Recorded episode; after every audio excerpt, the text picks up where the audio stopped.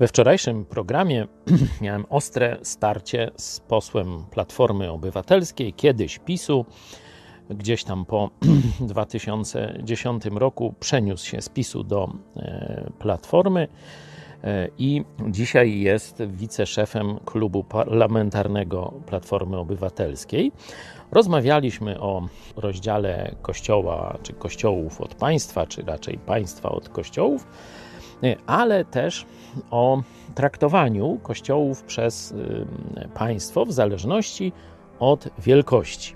I poseł Poncyliusz y, taką zaprezentował tezę, że jeśli kościół jest mały, czyli według jego standardów ma kilka tysięcy wyznawców, członków, no to trzeba z nim inaczej rozmawiać niż z kościołem takim jak katolicki, prawosławny, e, czy no może tam jeszcze luterański, który no troszeczkę e, dominuje na Śląsku Cieszyńskim, może by jeszcze do tej ligi się zapisał.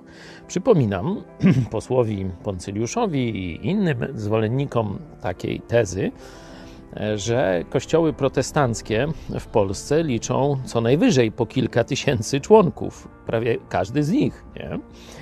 E, wszyscy razem protestanci to jest około 30 e, tysięcy, a przecież wyznań jest dość dużo.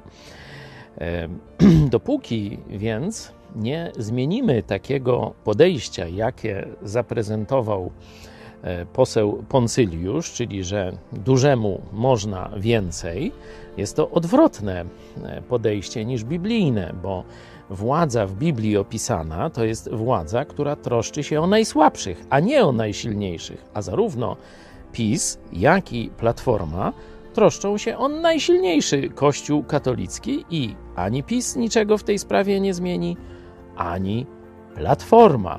Dopiero my, którzy idziemy po wolność. Wolni Polacy, mamy szansę to zmienić.